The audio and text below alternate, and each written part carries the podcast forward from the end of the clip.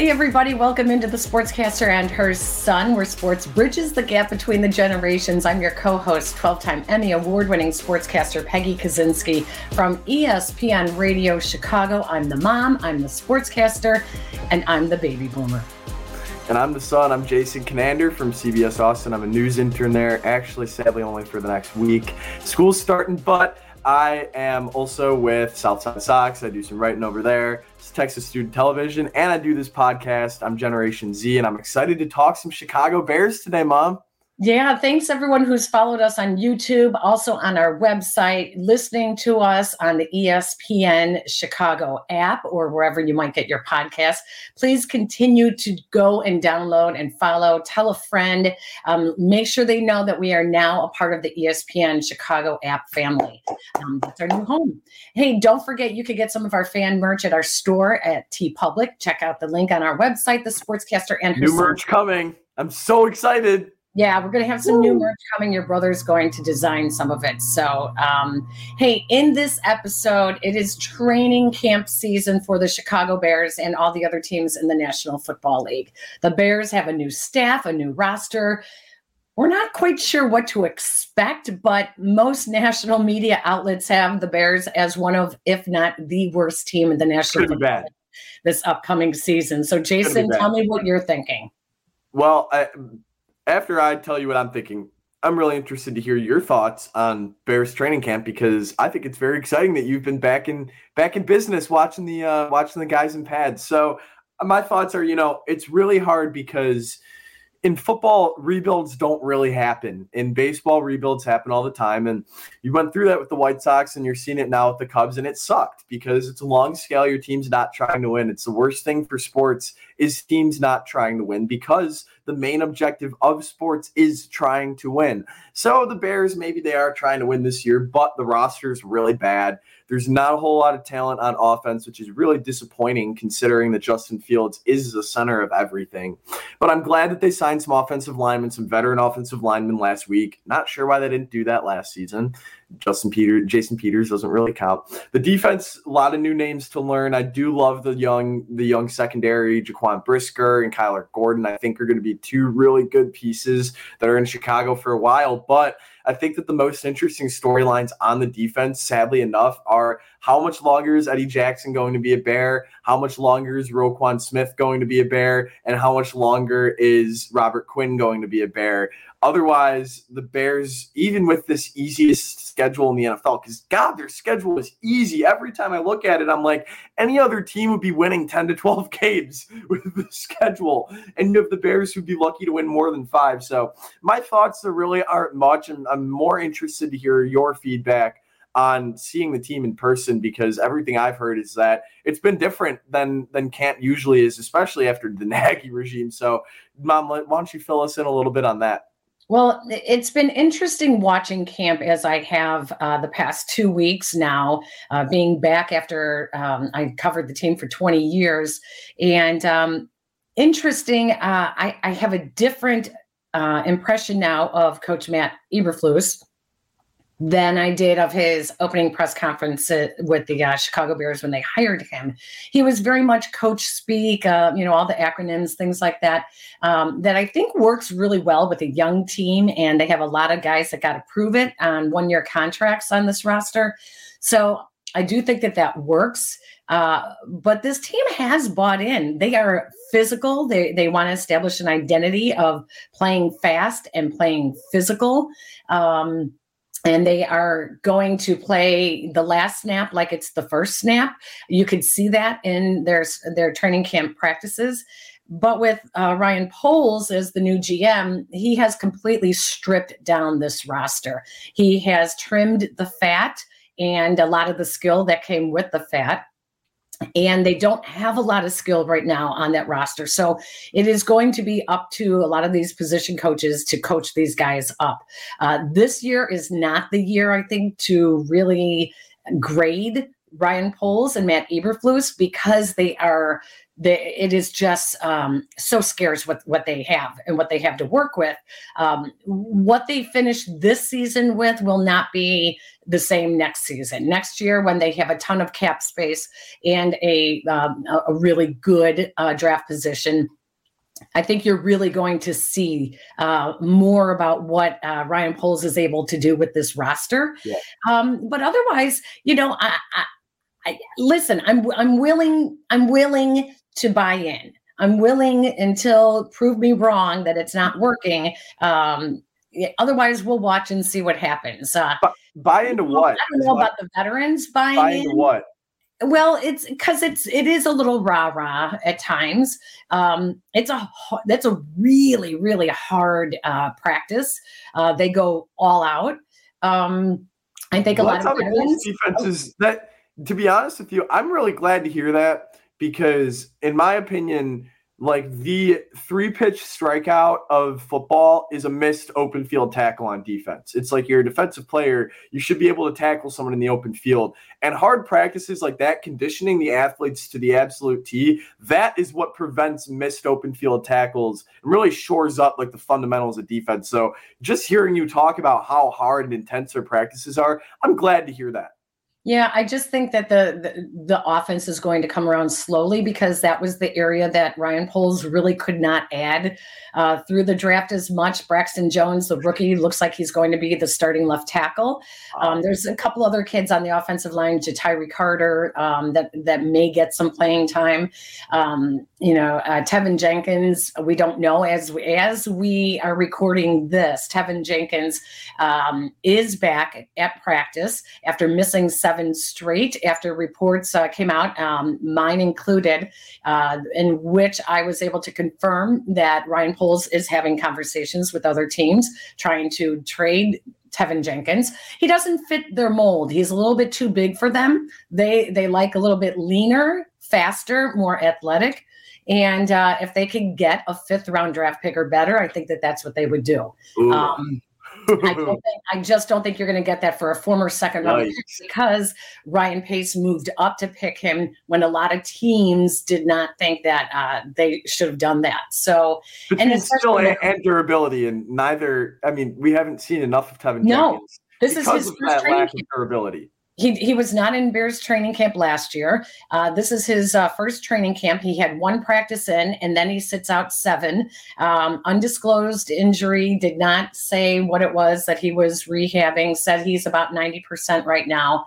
Um, so we'll see what happens, but the offense is definitely going to take some time to come around. All right, let's bring in our two guys that know a little bit more than both of us do about the Chicago Bears. They are the hosts of Hoge and Jahns podcast from the Chicago Sports Podcast, longtime Bears reporter Adam Hoge, and from the Athletic Bears writer Adam Jahns joining us. Hey guys, how are you? Good morning. Good. What's All up? Right. All right, so let's let's just get right into this with Bears camp. Uh, a lot of I've been out through the last week, and there's um, things I haven't seen before. Uh, Matt Eberflus is really into the situational drills. A lot of situations, a lot of it's almost like he's trying to do um, build muscle memory mentally as well for these guys, not just physically. Your impressions just off the bat of the difference with Matt Eberflus's training camps than what we're used to in the past with the Chicago Bears. I think what stands out to me right away because you you, you always automatically compare him to who he's replacing, right? Matt Nagy always tried to be this CEO like head coach, but he never truly was. He just automatically gravitated towards the offense because it was his offense. Matt Eberflus is different. It's it's his team. It sounds so strange to say, but you know he bops around a bit more. He's more. He doesn't micromanage as much. I would say, especially with the offense. He lets his coaches coach. Uh, he's doing drills that help his coaches, specifically Luke, Luke Getsy, where you have a first time play caller. You have Alan Williams, who's a defensive coordinator for the first time in several years. So he's helping them out, be better coaches by allowing them to coach and have mistakes in the practice field. So that stands out to me right away. Yeah, and I think that you know, even just going to that CEO idea, Nagy didn't even kind of get there till year three. I mean, especially the first season when Fangio was around, he was very open and honest about how Fangio was basically the defensive head coach, and I don't, I don't even think Nagy made too much of an effort uh, on the field to even be around the defense. It, it, that was really something that he taunted them occasionally. yeah, I mean, but it was just like it seemed like it almost seemed like Nagy at times was reacting more to just what wasn't working and trying to adapt, which is fine. I mean, you need to do that. Um, but it was always like a step too slow. Whereas I, have been impressed with how much Eberflus seems to be prepared for exactly like all that talk we had for years about what exactly is the Bears' identity under Nagy. I don't know if the Bears are going to be good this year or not, but I feel like we're going to know what their identity is. I think we're already learning what the identities are on both sides of the ball.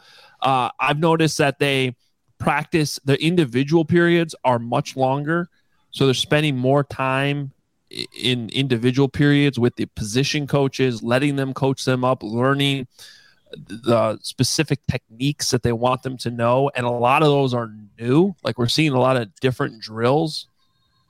And then just to have like the foresight, the thing that really stuck out to me last week was that they're already in a scout team defense for the offense, practicing against a 3 4 because two of the th- three other teams in their division run that type of defense. So you got to be ready for it. It changes how they call things on offense. And I asked a lot of people around, hey, have you ever seen a team go in a scout team this early in camp? Because I'd never seen it. And they all said no. So I just think that that's kind of speaks to how much they're trying to think ahead of the game here. And he continued yeah, so to do that it, it, sounds good, you guys, but I mean the theory sounds good, right? But we don't really know if it's if it's going to work, if it's going to mean anything. I mean, the other thing that stood out to me was that they don't do conditioning at the end of practice, which I don't think I've ever. I think Lovie did that for a very short time, where he took out conditioning every now and then. Um, but these guys are going so full force on every single drill. I mean, it, I always think about the defensive line and when they're going through their blocking and they're trying to shed the blocker, and it's like the the windshield, and they kind of go through the motions and. But these guys are going hard every single rep, and that is their conditioning. I mean, it sounds good in theory, but we don't really know if it's actually going to work, right? No, you don't. You don't. Uh, they're still short on talent. They're still short on receivers. The offensive line is still in flux. There's still plenty of question marks, but yes, it's. I, I want to say the differences in, in practice style seem to be positive. There seems to be an actual plan in place. Like to your point, I think the the extended individual periods has become an extension of the training, like the the, the conditioning because they're going so hard. They're going longer.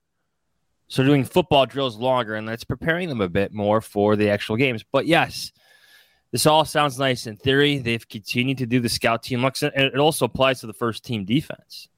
We're all obsessed with watching Justin Fields and what he's looking at through these scouted looks, but the starting defense is doing the same in the opposite field. So they're preparing for something. It's different, but yes, to your point, they're still short on talent. This is still a rebuild in place with with Ryan Poles. But you can see teams win an extra game or two. Let me rephrase that. I think the I think the buy-in, the buy-in and the identity part can lead to an extra win or two, even for mm-hmm. a bad football team. You know what I mean? So I, I to me, you have to put that in at the beginning, the foundation, even if they're going to be short on talent this year and they're not going to be a playoff team. This year is all about Justin Fields and establishing that foundation for this new coaching staff. So I've my early impressions from camp so far is I feel pretty good about that foundation piece, at least what we're seeing on a daily basis. That can always change. I always thought we had I always thought there was buy-in with Nagy in year one and then that fell apart later. But I think we learned later that the foundation was never really put in place. So it can be a little bit, bit of fool's gold there, and it takes a couple years to really understand that. But I do like what I've seen from the coaching staff so far. I think with Justin, it's been a little bit more up and down. And, and, you say it's been up and down with Field, so I'll ask about that in a moment. But I think the thing for me that feels different with this Bears team opposed to other Bears teams, especially rebuilding Bears teams, is even on some of the worst Bears teams, there have still been objectively great players and players that fans at home know about. And it is a rebuild and it's very early on into a rebuild, but this is a roster that is a lot more devoid of talent than Bears fans are probably accustomed to. And the silver lining to that is that players can emerge out of that. I think Trevis Gibson was a guy last year who emerged out of some play, getting getting extra playing time, and now he's one of the best players on the defense. Who are going to be the guys like that next uh, for this upcoming season? Who are the guys that the fans at home probably haven't heard about yet, but by the end of the season will become household names, at least in Chicago? Yeah, to, to build on your thought, Jason, you almost have like finally like they always tell you around the league that rebuilds on a real thing in the in the NFL. You just try to reload, right? Yeah. But th- it's it, you're to your point, like it's so devoid of talent because they're actually trying to do the f- full rebuild. Like Khalil Mack is gone. Like Robert Quinn is still on the roster. I get that, but like they said goodbye to so many players that everybody knew, players that have started for a few years.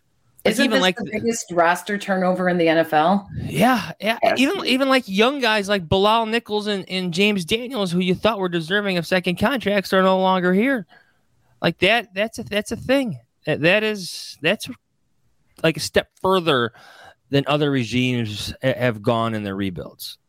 It is. It, it really is. Um, as far as guys who could come to stand out and become household names, like I like what I'm seeing out of Jaquan Brisker and Kyler Gordon the talent is, is there. The playmaking skills seem to be there every day.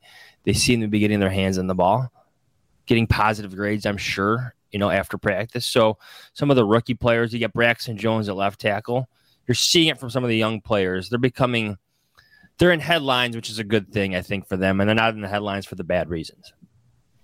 Yeah, I think the the rookies, when you draft 11 rookies, you better have a few of those guys become household names. And certainly those guys in the secondary jump out right away. I think I still need to see more from Velus Jones Jr., but he has an opportunity just because he's the one new young wide receiver um, that isn't just somebody getting a second or third chance like everyone else on the roster, not named Darnell Mooney. Um, And then someone's got to step up on the offensive line. So the Braxton Jones thing is very intriguing. The fact that he's still out there with the ones, does he, you know, is that just a crazy success story? Uh, that would be very, a very good, important development for the Bears if that's the case. So I, I think there's a few candidates there. You mentioned Trevis Gibson, who could go, go to the next level. Um, and then I don't know how many defensive tackles really turn into huge fan favorites, but I, Tonga continues to look good to me, and the other options there are all pretty much veterans, um, and the interior of that defense. So he's somebody that continues to make plays and was a seventh round pick a year ago. So I do think that there are some young names here that'll emerge. And real quick on the players they lost, how many of those guys do they really miss? I, I'm being serious. Like we spent how many? We spent like two years complaining about the last roster and so the new GM comes in and gets rid of all those guys, and now everyone's upset that those guys aren't here. I don't get it. I, I, I, mean, the only one that really stands out to me is obviously Khalil Mack, who I'm pretty sure could still be a very, very good football player when he's healthy. But even last year, he wasn't healthy. All these other guys, like okay, Bilal Nick, solid player, also has a chronic knee problem. Like they'll be fine without him. James Daniels, I don't. He was fine. He was he was fine. He'll probably be better in Pittsburgh than he would be in this offense that they changed. Yeah, I don't know who they're really missing. I think they're probably missing Akeem Hicks against the run, but there's another guy that at his age, for as little as he was actually able to stay on the field towards the end, it didn't make sense to keep him around. So I don't really. Yes, they reloaded. Yes, they're missing a lot of guys from last year's team, but uh, name me one guy where it actually made would have made more sense to keep him around. I I'm struggling to come up with that. I think that I think it's more so the not necessarily the actual players that they lost, but I think the idea that they invested so much into field, so much draft capital trading for him, and now for year two, there's this roster that has taken a step back in terms of talent, and I don't think it necessarily matters because none of that talent's on on the offense. It's really all on the defense. Um, but I think it's just the idea of having a less competitive team a year further into Fields' development. But you said the Fields has been up and down. I'm curious to hear what you mean by that. So expand on that point a little bit. Yeah, I think just you know, uh, he's he's had some better days as of late. I feel like, but we're it's just the it's the whole offense too. I think has been mm-hmm. inconsistent, which isn't exactly a surprise at all. Um, but like even I'm thinking back to last Friday's practice, which I thought was pretty good overall. A lot of the players said it's the hardest practice they've they've ever been through. Um, but even in that practice where he hit, I think I had like three pretty good deep shots downfield that he hit. Yeah, there were there were two other overthrows that kind of reminded you of Mitch Trubisky a little bit when he has the guy wide open streaking oh, down the middle no. of the field and overthrew him by five yards. You know what I mean? So that, I think that's just the, sort of a little bit of the inconsistency, but I also don't think that we've seen anything that really causes you to hit the panic button at all. I think there was one practice last week where that was really, really bad. Um, that was the one where I think it became a really hot topic for about 24 hours, and then Fields has has come back and quiet quieted that that, that down a little bit. Uh, that concern, um, but I'd still like to see more consistency across the board. Let me ask you a question, Adam Jahns, about if you can, can you, talking about the offense, explain Luke Getsy's system and um, why this is not an easy system for these guys to learn. It's why they went out and got veterans for the offensive line because you need some veterans on that line.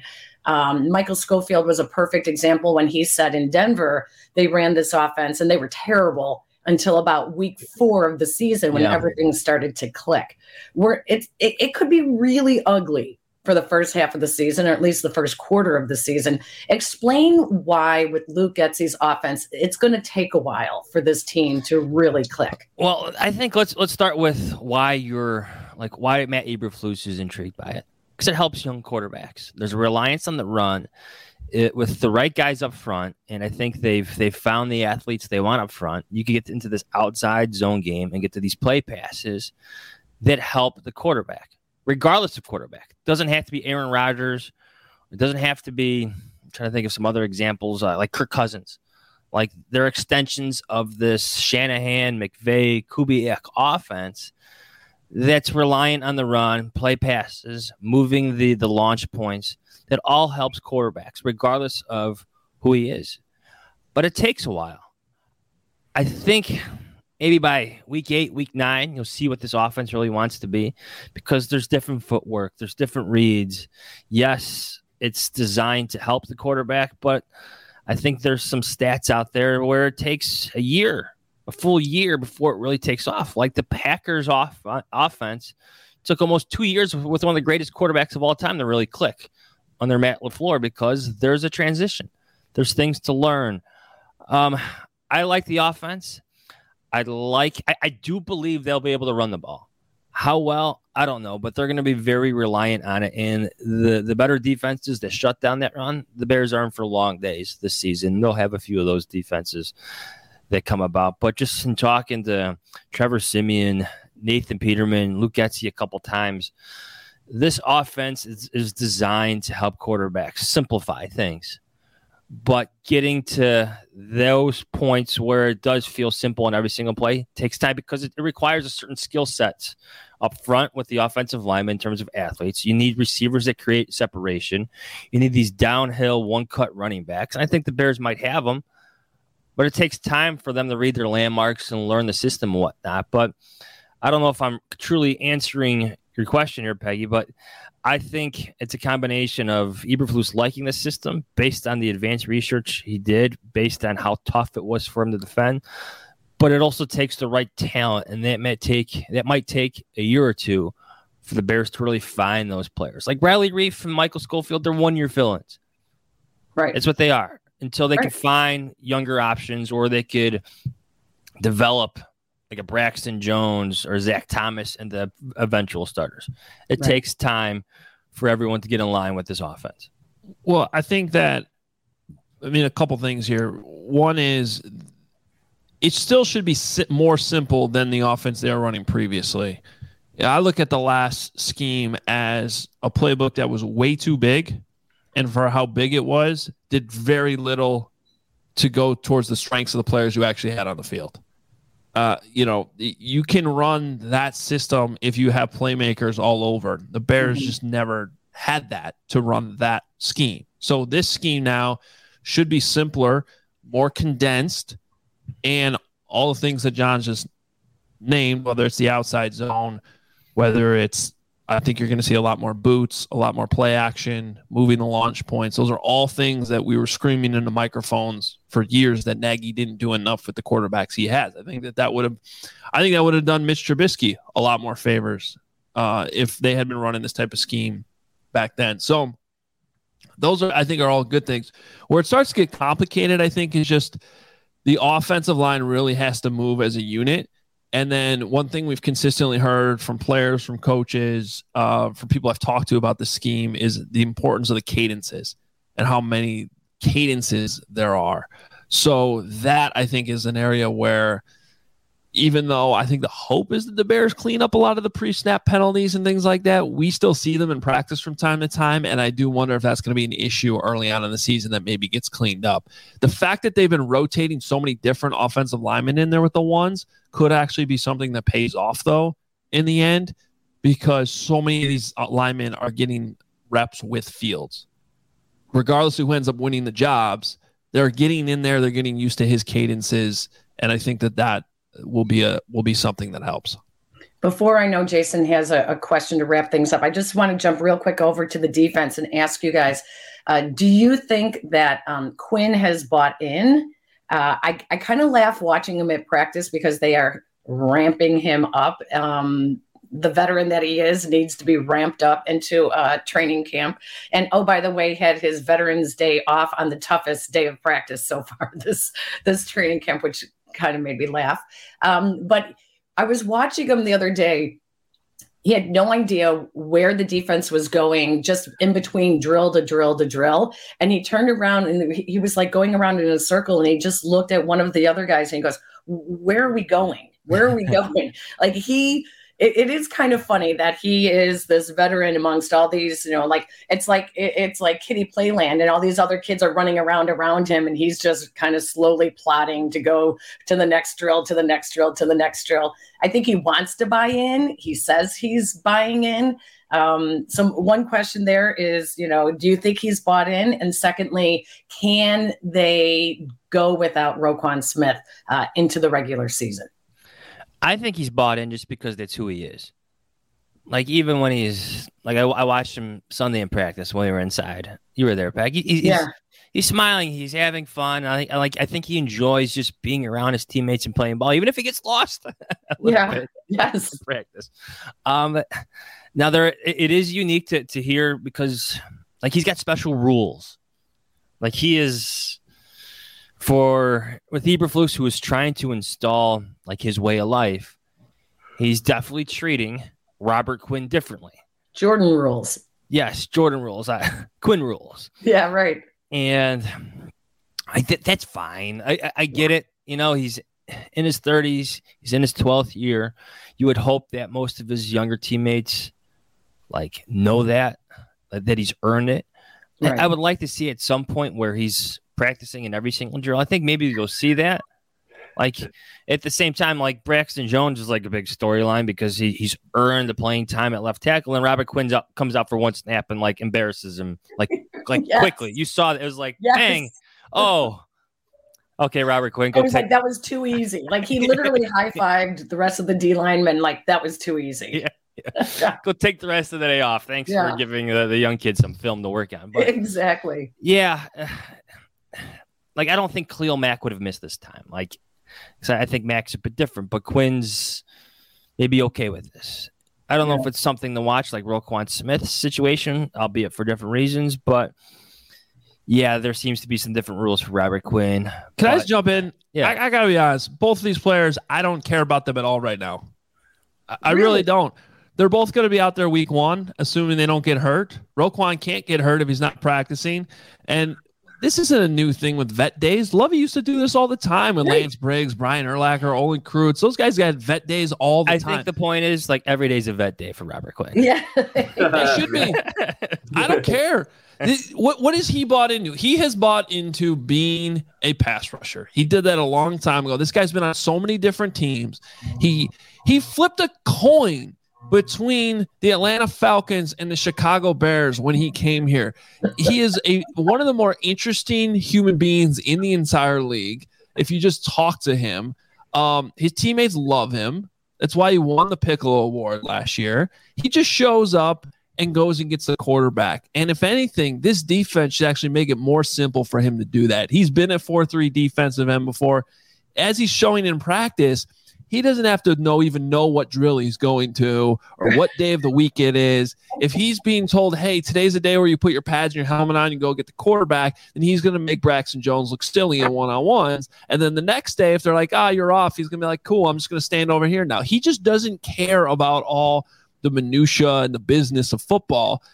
I, I just th- to me that doesn't matter at all. He could not practice the rest of training camp and probably go get a couple sacks against the 49ers in week one. See, I disagree with you about Roquan though.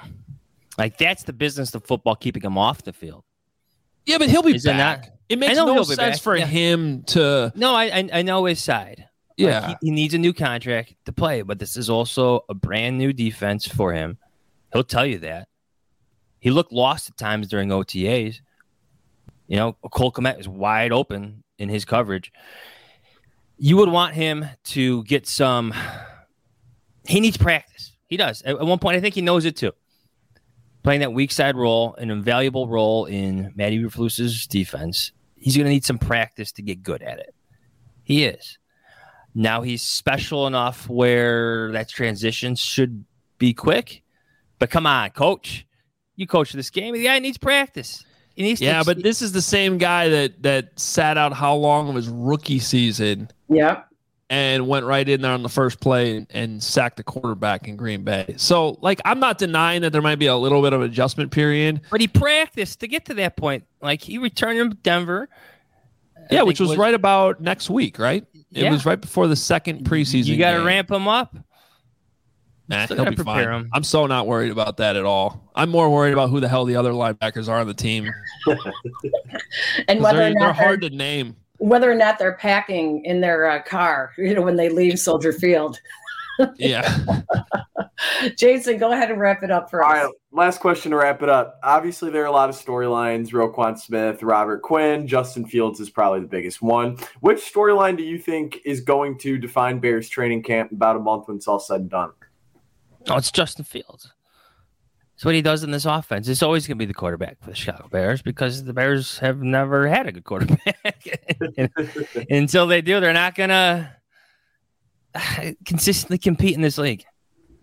Fields is the next in line. They need to develop him. It's going to be, I think he's going to have some rocky moments, just like he's ha- having rocky moments right now in practice. The season is going to be full of ups and downs. We'll see what he becomes, but he is the the end all be all of storylines for the Chicago Bears. So, look, look, because because it was kind of an obvious question, let me kind of amend my question a little bit. What does progress look like in year two for Justin Fields with an offense that is probably slightly less talented? I mean, the O line's probably a little bit better, but the offense is just as, if not a little less talented than last year. So, what does progress look like when year two is arguably the most telling or defining for a young quarterback? Yeah, look, you know, there's a lot of different metrics and stats and all the stuff that you can look at with with quarterbacks. Um, you know, expected points added is one that I, I really like, but I'm going to simplify this down to touchdown to interception ratio. That that's I, I think that that could say a lot for what Justin Fields can do this year. Is he able to get closer to like 20 touchdowns? Which means the offense is scoring more, moving the ball more, having more success in the red zone. Um, I would little fantasy nugget too. I I personally expect his rushing touchdowns to increase too, just based on some of the stuff we've seen in camp so far. Um, and then keep the mistakes down. So keep the interceptions ideally in single digits.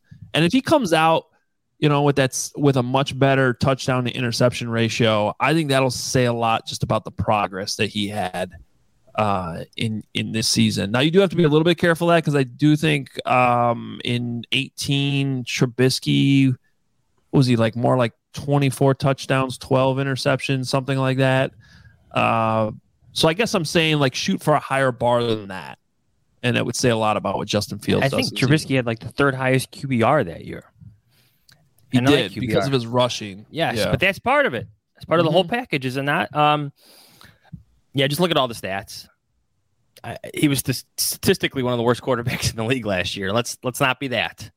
Let's get in the twenties. Let's flirt with you know you know the halfway point amongst average quarterbacks. Let's get the completion percentage up. Let's get the touchdown percentage up. There's so many metrics that you, let's get the QBR up. Like if if Trubisky could be third in QBR in a second year, maybe just Fields with this offense should be around 15 or 16. Like Listen, we just need to see progress. We need to see them actually look like an offense. Right now, with the installation still happening in, in training camp, it they don't even look like an offense yet. It's it's hard to watch. So, you guys, we could go on and on. There's so many things that we could talk about, but I really appreciate you guys giving us your insight. Uh, Adam Jahns, Adam Hoge, together they are Hoge and Jahns podcast. Check them out. You guys, thank you for your time. We'll see you at camp. Anytime, Peg. Thank you. Jason, the one thing that I wish I could have asked them was their predictions on the season because I've already said five wins for the Bears. So uh, I would have loved to hear what um, Adam and Adam think for the final number of wins for this team. And you know that was the hardest thing actually about having two guys named Adam on the show is like you know, I wanted to ask Adam Hoge something. It was like I can't say Adam because both of them are going to be like. But if I wanted to ask Adam John something, it'd be like you know I can't can't do that either because you know, it, that, that was tough, but great guests. I mean, so knowledgeable. So you learned so much just by listening to both of them talk. And um, obviously, being far away, I know that a lot of our listeners are Chicago, but for me, being far away from home, I don't hear it all about Bears camp unless I'm talking to you or on Twitter. And to get those three, like three sets of eyes of people that are seeing it and people that are hearing everything that's going on, um, really insightful for me. And I hope that our fans at home are really going to enjoy to hear that too. All right. So, how about giving us some predictions, Jason? Predictions. predictions and- it's been a minute. It's been a minute since I've been able to uh, to sit here and make some predictions. So, my first one's going to be on the Bears record. I I don't want to set an exact number because with a with a bad team, it's like they'll pick up a win. They'll pick up a BS win. Like they'll. I don't. I mean, I don't want to predict that they'll beat Green Bay, but for example, like there are some historically bad Bears teams that managed to beat Green Bay on like Thanksgiving. And that was like, whoa.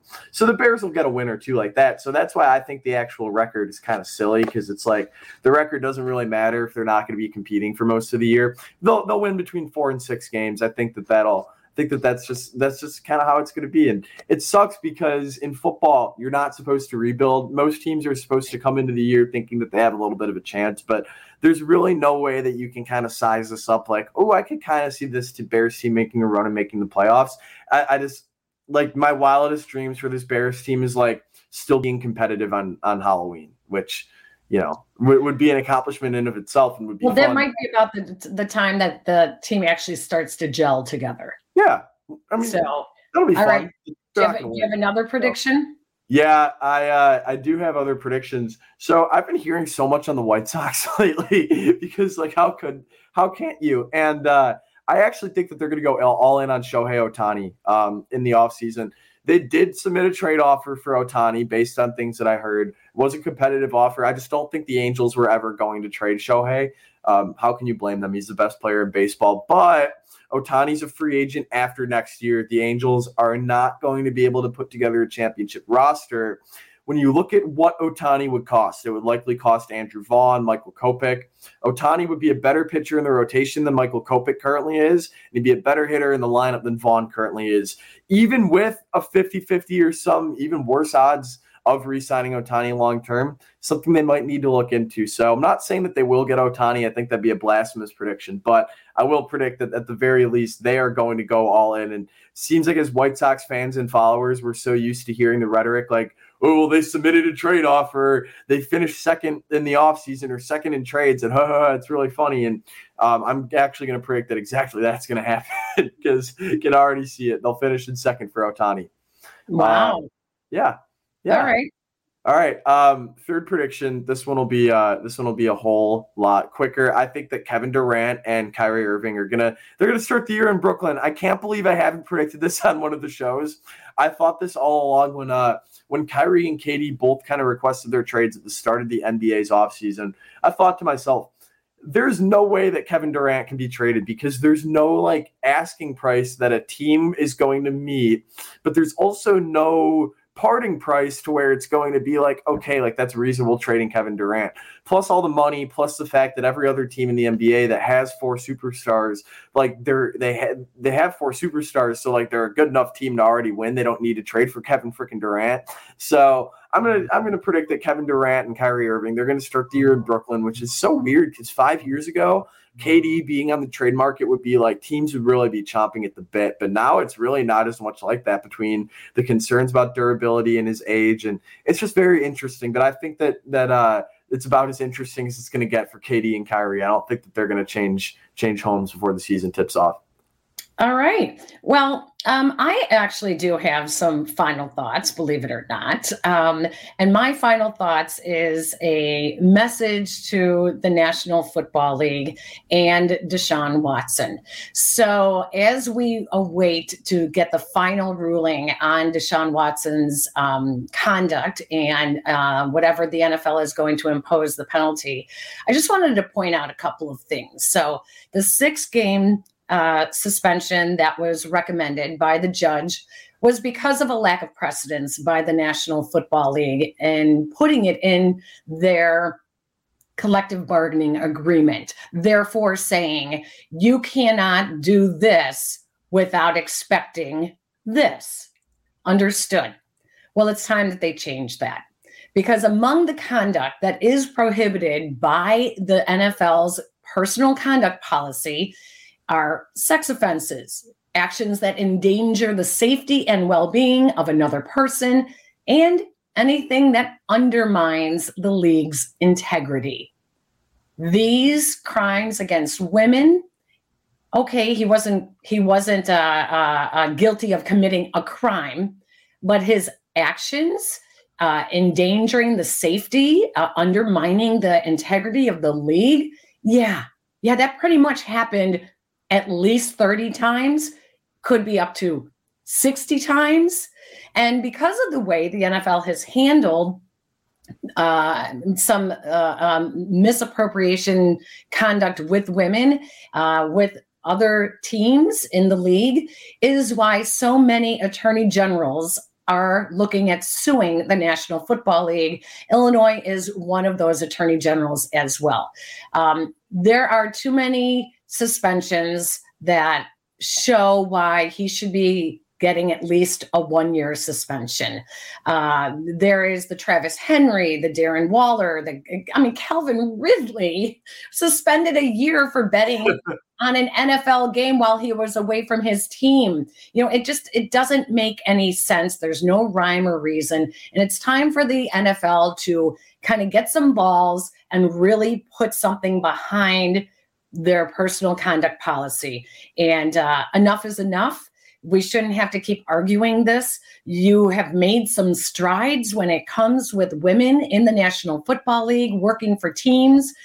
Now you have to put some money where your mouth is. And I'm just hoping that once the final word is put out for Deshaun Watson and whatever he is going to sit out, that it is something that really emphasizes what the league is trying to say when it comes to uh, personal conduct policies and um, anything allegations against women. You don't have to be guilty of a crime to still do improper things that would make you embarrassed uh, as a National Football League, as a team, you know, wearing your jersey. And quite frankly, uh, the Cleveland Browns should be ashamed that uh, their fans are lining up the way they are to get autographs. I was just going. I mean, it's it's really pretty sickening. Like you cannot deny that there was improprieties. Okay, yeah. you cannot deny that. Yeah, and, um, that video was disgusting. don't seeing, put him up on a pedestal like that. Seeing those fans like, uh like kind of like mobbing him, and it's just it's gross. It's like the end of the day, it's, it's sports. I mean, we love sports. We uh, we've made a career out of sports. Hopefully, I will. But at the end of the day, that is that is disgusting. And when I, I saw that, I was like, "What the hell?" So well put, mom. I think that the, the league needs to start. They they have set such a big precedent on things that don't matter, such as marijuana and betting on sports. And now it's time for them to really put their money where their mouth is with freaking domestic violence. It's, Yeah. Everyone knows it's not I- right to put your hands on girls. So well said. All right. Uh, we would like to thank our guests today, Adam Hoge and Adam Jahns. Don't forget to check out the Hoge and Jahns podcast on The Athletic. Um, also, thank you to our folks at ESPN Chicago and Jake Cantu, our producer at ESPN Chicago and the ESPN Chicago app. Jason, if people want to find us, where can they go? The ESPN Chicago app. I downloaded it myself and I cannot wait to see us on there. believe that this will be the first episode that uh that'll be available. So that'll be sweet. It'll be uh I'm just so excited to see the sportscaster and son on there. So ESPN Chicago app, obviously everywhere else. You can see us on YouTube, Podbean, Spotify, SoundCloud, Google Play, podcast, you know, literally at that point, if you're listening to us on on some other service, I'm curious as to what it is because Google, Spotify, SoundCloud, ESPN 1000 app, oh, YouTube, those are really all you should need. So, And don't forget to like us and make sure you um, subscribe so that you don't miss an episode. So that will do it for our Bears Oh, uh, really training quick. camp episode. Yes, Jason. we have a Twitter now. We have Oh, a Twitter now. Follow us on Twitter. It is at TSAHS pod. So, first letter of every word in our name, abbreviated pod. Uh, it's got the logo on there and everything. It's in my bio on Twitter. Everything from the show from now on, we're going to try to really push it on that Twitter account. We'll be doing quotes leading up to shows. We'll be advertising the shows. We'll be doing some, we'll, we'll be doing a lot on there. So that's going to be the new home for all the latest on the shows, even when we're not recording episodes. So really exciting. Make sure to go follow our Twitter. Please do. Thank you all for joining us. Jason, have a good one. We'll see you when you get home this week before school starts. See you in a couple of days. Looking forward to plenty of home cooked meals and a full cabinet of snacks. Thank you. All right. Thank you, everybody. We'll talk to you next time. So long.